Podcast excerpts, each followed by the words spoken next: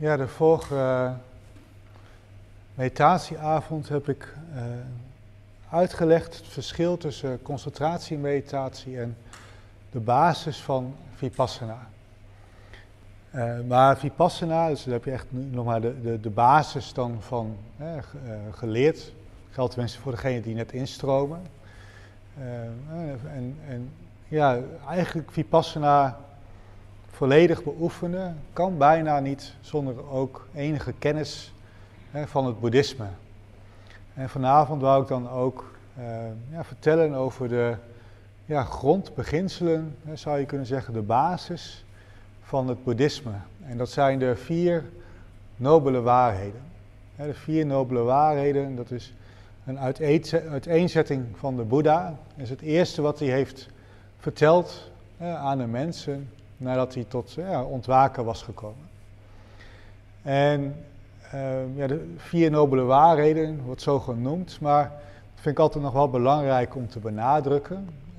Uh, de Boeddha heeft ook gezegd van, neem niet zo wat ik zeg aan als waarheid. Hè? Wees kritisch, onderzoek het voor jezelf en kijk dan of het inderdaad voor jou ook klopt. Hè? Dus neem het niet zomaar aan als, als waarheid. Dat spreekt mij dus ook heel erg aan aan het boeddhisme. Dat, uh, dat maakt dat het niet zo heel uh, dogmatisch is. Dus dat je echt voor jezelf na kunt gaan, oké, dat staat er wel. Uh, maar is dat ook zo? Dus dat, en dat, dat onderzoek doe je dus onder meer in de meditatie. Hè, er staan dingen staan geschreven in de suta's. En suta's zijn eigenlijk de ja, uitgeschreven stukken van wat de Boeddha heeft, heeft gezegd. En uh, ja, daarop kun je uh, reflecteren enerzijds, hè, dus dat doe je buiten de meditatie om, kun je daar naar kijken, kun je daar ook toch enigszins rationeel of mentaal onderzoek naar doen. Uh, en in de meditatie is het meer beschouwen. In het begin, als je net begint met mediteren, dan is het soms nog wel een mentaal onderzoek. Maar op een gegeven moment is het meer ja, iets van herkennen. Hetgeen wat je misschien eerst mentaal hebt onderzocht, wordt meer bevestigd en herkend in, uh, in de meditatie. En Vipassana wordt dan ook wel vertaald naar inzichtmeditatie. En hè, dus door de, door de oefening van die vorm van meditatie krijgen we inzichten in datgene hè, wat, is, wat wordt, onder andere wordt aangereikt. En dat hoeft natuurlijk ook niet per se zo te zijn hè, dat je dan die theorie herkent. Maar het helpt wel heel veel als je daar gewoon enige weet van hebt. Dus daarom ook is het belangrijk om nu hè, bij het begin uh, te beginnen, een stukje van het boeddhisme. En uh, ook elk seizoen begin ik daar ook de eerste of tweede les, vertel ik daar ook over. En probeer het iedere keer weer op een iets andere manier te vertellen. Omdat het toch wel heel belangrijk is, ook in de herhaling. Hè, ook, ook, al heb je, beoefen je al jaren meditatie, is het goed om dit steeds weer, uh, weer te horen en op te reflecteren voor jezelf. En de vier nobele waarheden. De eerste nobele waarheid, er is dukkha. En dukkha wordt vaak vertaald naar lijden. Maar zo lijden is wel een heel zwaar woord. Ja, lijden valt daar ook onder. Maar ook vorm van stress, van ongemak. Dus allerlei eh, dingen die niet prettig zijn. En eh, zo meteen ga ik daar nog dieper op in. De tweede nobele waarheid, het lijden heeft uh, een oorzaak. Daar, ga ik ook over vertellen zometeen. De derde nobele waarheid, er is een einde aan dukkha, aan lijden, stress, ongemak mogelijk. En dat is dan de vierde nobele waarheid. En het vierde nobele waarheid is het, weer het achtvoudige pad. Weer een nieuw rijtje. In boeddhisme wordt ook al gezegd dat het de religie van de rijtjes is. En uh, dus er komen ook veel rijtjes aan bod hier tijdens de meditatieavonden waarop we ja, kunnen reflecteren. Maar ik wil vanavond dus vooral ingaan, dus volgende keer ga ik ook nog wel in op het achtvoudige pad, hè, de vier nobele, vierde nobele waarheid. Maar vanavond wil ik dus op de eerste twee uh, wat dieper ingaan. En de eerste is dus, er is dukkha, hè, wat dus vaak wordt vertaald naar lijden, maar stress, een lichte vorm van ongemak, vallen daar dus ook onder. En dukkha, letterlijk vertaald, is eigenlijk de as van een wiel wat niet helemaal rond is. En je kunt je voorstellen, vroeger had je paard en wagen, dat ja, als je dan met paard en wagen ging rijden en je had, de as van het wiel was niet helemaal rond, dat het een hobbelige rit wordt. Hè? Dus, en, en de boer zegt, ja, zo is het leven eigenlijk ook. Hè? Iedereen komt daar uh, uitdagingen in tegen, vormen van pijn. Je hebt ook al de, heb, je er weer een rijtje, de acht wereldse winden. En dat is uh, winst en verlies, succes en falen, uh, plezier en pijn en lof en blaam, of ook wel hè, kritiek. En iedereen, ieder mens heeft te maken met die acht wereldse winden. Hè, bij de een de een wat meer dan bij de ander. Maar iedereen heeft daar, uh, daar, krijgt daarmee te maken. En het gaat er vooral om, hoe gaan we daarmee om? Ja, en hoe kunnen we uh, het, het dukkha, de dukkha, verminderen? En, de Boeddha heeft ook al gezegd van, ja, mijn, mijn, mijn ehm, enige wat ik de mensen wil leren, is hoe ze het lijden kunnen verminderen, de dukkha, het dukkha kunnen, uh, kunnen verminderen.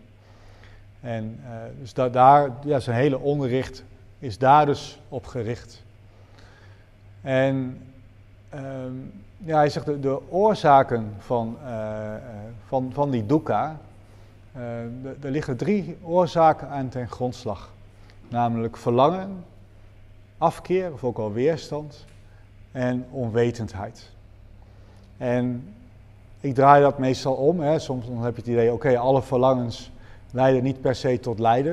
Nou, op een bepaalde manier misschien wel, maar zelf benader ik het liever andersom. Hè. Dus als er vormen van stress zijn, vormen van ongemak, van lijden, kun je altijd voor jezelf nagaan, oké, welke uh, gehechtheden of hunkering ligt daar aan ten grondslag. Hè, dat zijn vormen van verlangen. Verlangen, uh, ja, on, uh, deel ik vaak weer onder dus in twee vormen. Hè. Dus enerzijds heb je hunkering, dus je wil iets hebben hè, wat er nog niet is, waardoor je ja, een soort van ja, ongemak krijgt, frictie. Hè. Je wil iets en het is er nog niet. Dus dat noem ik dan hunkering of uitreiken. En je hebt ook uh, gehechtheid, is ook een vorm van verlangen. Dus je hebt, je hebt iets en je wil er graag aan vasthouden, maar het gaat bij je weg. En, dan, en dat, dat, dat, loslaten, hè, dat, dat lukt als dat niet zomaar makkelijk gaat. Hè, dan ontstaat er ook een vorm van frictie, ook een vorm van dukkha. Of iets is bij je vandaan gegaan en dan heb je daar, maar je bent er dus nog wel aan gehecht. Je kunt het dus nog niet loslaten. Dan ontstaat dus ook een vorm van frictie. dus hunkering en gehechtheid, dat, dat leidt uiteindelijk tot een vorm van uh, lijden als we het niet kunnen loslaten. En de tweede uh, oorzaak tot dat lijden is dus afkeer, of ook wel weerstand. Ik heb de eerste uh, introductieles heb ik het verhaal van de uh, irritante monnik verteld. En ja, dat gaat heel erg over. Hè? Dus als je in de meditatie oefenen we dus ook om daarmee om te gaan. Dus weerstand is eigenlijk de dingen anders willen dan ze zijn dus, uh, uh, de, ja, dus, dus, dus iets is op een bepaalde manier bij jou en je wil dat het anders is. En dan krijg je dus weerstand en dat leidt dus ook tot een vorm van lijden. En de derde oorzaak van, ehm, van dukkha is onwetendheid. En onwetendheid is een heel ruim, ruim begrip. Maar het gaat onder meer om dat we niet inzien uh, hoe wij ons eigen lijden uh, en onze eigen dukkha dus uh, veroorzaken en hoe we dat bij anderen doen. en, dus dat is onwetendheid. En daartegenover staat dus wijsheid. En door de meditatie en daarop te reflecteren, ja, komen we tot nieuwe inzichten, tot wijsheid. dat is een tegengif dus voor die onwetendheid. En onwetendheid is dus, wat ik zei, een ruim begrip houdt ook in dat we de dingen normaal gesproken niet zien zoals ze werkelijk zijn. En dat we dat niet in de gaten hebben. dus dat is ook een vorm van uh, onwetendheid. En daar ga ik ook de komende avonden gaan we daar steeds dieper op reflecteren ook. Ja, en in het dagelijks leven, of nou misschien is het goed om de meditatie te pakken, hoe vertaalt zich dat dan ook tot de meditatie?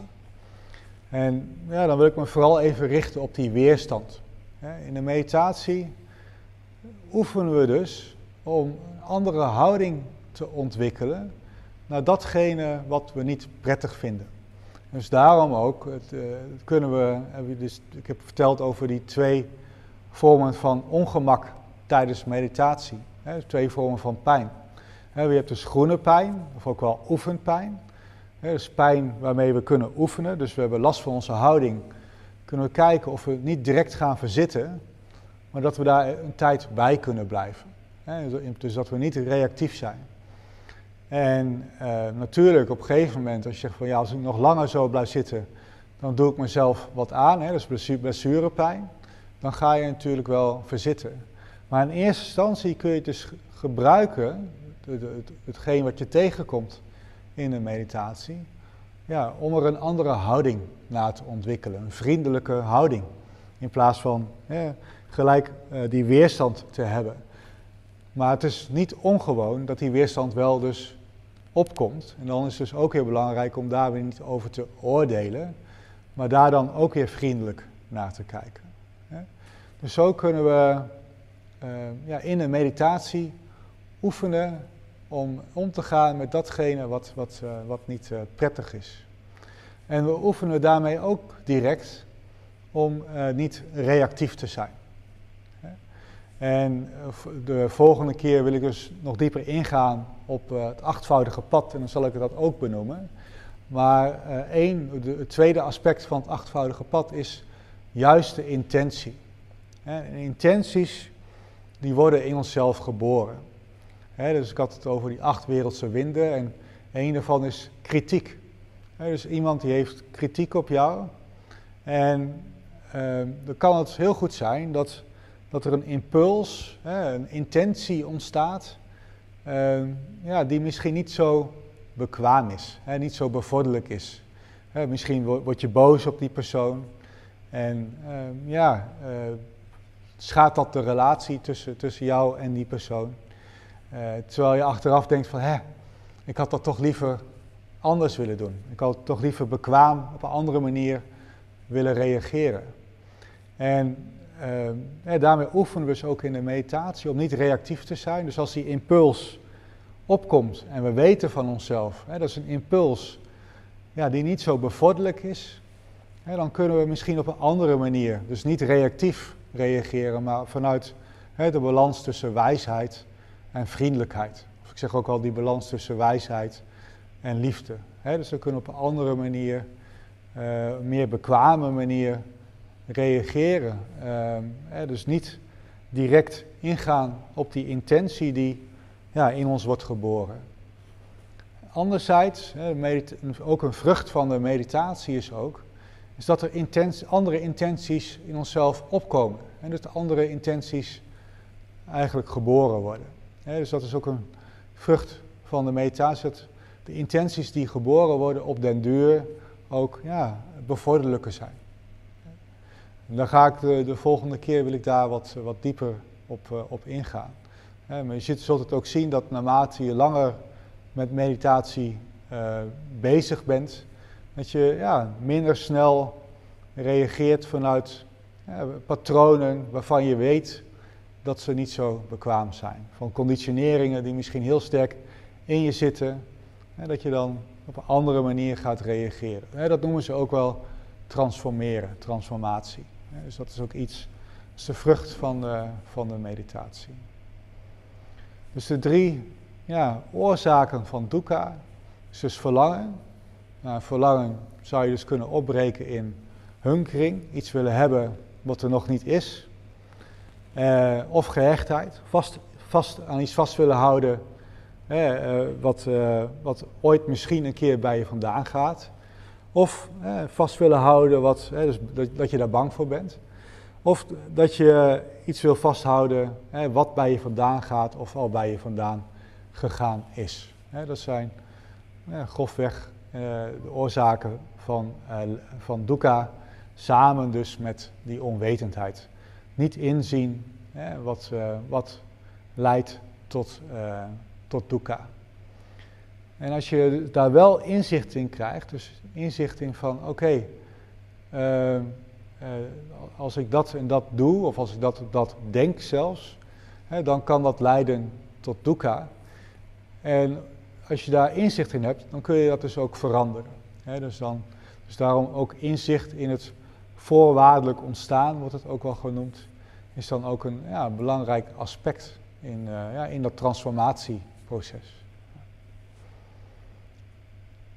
Nou, volgende keer uh, ga ik daar dieper, uh, dieper op in. Ja. Zijn daar nog vragen over? Ja, op het verlangen. je zegt, kun je in tweeën delen, hunkering en... en gehechtheid? Gehechtheid, ja, maar is er niet nog een derde, een heilzaam verlangen? Wat zei je? Ja, die zijn er ook, hè?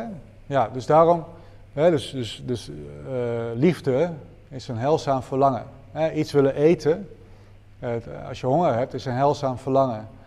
Uh, maar om dan een hele taart op te eten is bijvoorbeeld niet zo'n heilzaam verlangen, zeg maar. en dus ik bekijk het dus, draai het dus liever om, om, te, om, om inzicht te krijgen welke verlangens tot dukkha leiden.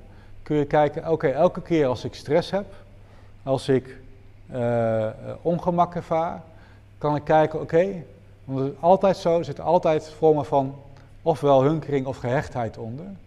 Uh, om daar dus naar te kijken, om dat te zien. En als je dat elke keer doet, dan krijg je dus op een gegeven moment ook inzicht in welke verlangens ja, uh, bevorderlijk zijn en welke niet. Dus dat is mijn manier hoe ik daar het onderscheid steeds beter in weet te maken. Want zijn ook wel, als ik kijk naar, naar 10, 20 jaar geleden, dacht ik dat sommige dingen, verlangens, heilzaam waren. Of ik gebruik zelf liever het woord bevorderlijk. Waarvan ik nu denk van, nou, die waren misschien helemaal niet zo bevorderlijk, zeg maar. Dus dat is ook weer, nee, natuurlijk ook wel door, door wijsheid van, van het ouder worden misschien, levenservaring. Maar zeker ook, vooral ook door de, door de meditatie en door op te reflecteren. Ja, ja. Was, dat, was dat jouw vraag ook beetje? Ja, hè? ja. Ik merk dat ik een beetje moeite heb met verstaan. Dat ook eh, de laptop die maakte een beetje suizend geluid. Dus uh, ja. ja. Ik, ja, je wou nog. Nou, uh, als je nou stress hebt, hè, vooral werkstress of zo, al dingen die de tijd uh, afkomen, is dat dan ook een vorm van gehechtheid dat je iemand teleurstelt? Of is dat... Waar, waar heb je dan stress van, zei je? Ja, Oh ja, je hebt werk en je hebt het niet op tijd af. Ja. ik denk, ik kan het niet aan of zo. Ja, het, het, is te veel en uh, ja. Uh, dus, je, dus je hebt werk en daar, uh, je, je, hebt een deadline of iets dergelijks en je krijgt er niet af en daar krijg je stress van. Ja, dus daar, dat, het is goed om daar dus wel onderzoek op te doen. Ik moet, zou nou echt even, even goed nadenken wat dat dan zou, bijvoorbeeld zou kunnen zijn. Ehm, ja, dus, dus daar zit het, dus het verlangen onder om het af te krijgen. Hè? En ehm, eh, soms is dat ook wel een heilzaam verlangen. Ehm, alleen eh, is er dus de angst dat het niet gaat lukken. En eh, die angst is niet helpend. Dus het helpt ons wel van misschien op het belang in te zien. Dus op die, op die manier is, die, is het verlangen helpend. Dus dat, op die manier is ook heel goed te kijken van oké, op welke manier dient een verlangen mij. Het is altijd goed om daarnaar te kijken. Maar het zit je dus, de, de weerstand vooral zit je in de weg. En die weerstand is dus de angst dat het niet gaat lukken. Wat zeg je? En die veroorzaakt de stress. Ja, dus de angst van, oh, dit gaat niet lukken. Uh, dat is een vorm van weerstand.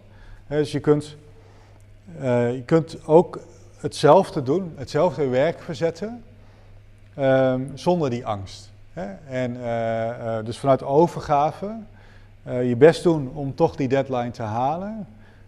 door misschien creatief te denken of door, door net zo snel te werken als je vanuit die angst zou doen. Hè? Um, maar zo'n soort creatieve denken, dat kan waarschijnlijk ook zelfs nog veel beter als die angst niet aanwezig is. Vaak zorgt dat juist dat we krampachtig worden en eh, dat we juist dat maakt dat we die deadline niet halen. Dus, eh, eh, dus op die manier kun je daarop op, op reflecteren inderdaad van, oh ja, ik heb stress en ehm, eh, ik heb het verlangen dat het afkomt. Dat is een bevorderlijk verlangen. Alleen de angst die daarbij komt kijken is een vorm van weerstand. En die is niet bevorderlijk. En dan kun je toch kijken van ja, kan ik daar eh, met- meer vanuit, vanuit, vanuit overgave, vanuit ehm, ja, ja, eh, overgave inderdaad, toch proberen om eh, die, eh, die deadline te halen. En moet dat inderdaad dan weer met dat harde werken? Of kan het ook op een andere manier? Ja. En hoe haal je die angst dan weg?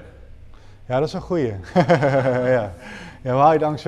Nou, onder andere door, door dit, op deze manier te reflecteren. Ja. En eh, eh, dus soms is het juist goed dus om die angst dus helemaal toe te laten. Hè, dus we zeggen ook wel loslaten is toelaten. Dus die angst, ja, laat hem maar toe. En, en eh, vo- voel hem maar in je, in je lijf. En vaak, want als we de angst niet willen, dan hebben we weerstand op weerstand. En dan, dan gooi je eigenlijk olie op het vuur en dan maak je het alleen maar erger. En eh, dus, dus juist door te aanvaarden dat die angst ook aanwezig is. En, en dus dat reflecteren daarop van, oh ja, ja eh, eh, rationeel gezien, dat, is dan een stukje rationeel proces van, oh ja, ik wil die deadline halen, ik heb dat verlangen, dat is een gezond verlangen. Die weerstand is niet zo, dus ik kan kijken of ik het vanuit overgave kan doen. Maar dat wil niet zeggen, hè, als je dat rationeel zo zegt, dat het ook zomaar lukt. Hè. Dus dan is het toch vooral het, het, het toelaten van die angst. En van daaruit toch ja, in, het moment proberen te blijven, stapje voor stapje weer eh, verder te gaan. En proberen zoveel mogelijk uit die verhalen te blijven. Dus die verhalen van, oh die deadline haal ik niet. En eh, het zijn allemaal doemscenario's die in de toekomst liggen, die dus eigenlijk nog geen waarheid zijn, zeg maar. Misschien ook nooit waarheid dus worden. En, eh, en dan toch in het moment kijken, oké, wat kan ik nu het, het beste doen? Maar ook dat is dus wel oefening. En eh, eh, dus de formele meditatie, als je dat heel veel beoefent, dus als je, als je ochtends mediteert, helpt dat in het dagelijks leven om dat ook beter ja, daartoe in staat te zijn. Om, om steeds meer uit dat verhaal te komen, eigenlijk ook. uit die verhalen die we creëren. Dus dat we er minder mee identificeren met die gedachten. Ja, en, en, en waardoor je uit, die basishoudingen anders. Als die basishouding al, an- als je al vanuit meer overgave leeft, hè, dan is het niet zo dat je, dat je nooit meer die angsten krijgt, maar wel dat je er makkelijker los van kunt komen. Ja. Dus dat is toch ook wel hè, door, door toch wel regelmatig te mediteren. Dus, dus, dus meditatie, enerzijds heb je de formele meditatie, dat is toch een voorbereiding tot het dagelijks leven. En het dagelijks leven is toch de intentie om ja, ook zo meditatief mogelijk eh, te leven, zo ja, mindful mogelijk, eh, zo min mogelijk in die verhalen en die rollen te zitten. Wat het toch telkens weer doet, dat is onvermijdelijk. Maar toch regelmatig, ook een aantal keer per dag, daar weer los van te komen. Ja. Ja. Ja. Was er nog een vraag? Of, eh? Nee, oké. Dan eh, wou ik verder gaan met eh, ja, wat mindful move, movements, yoga-achtige vorm. Voortkomend ook echt uit de yoga.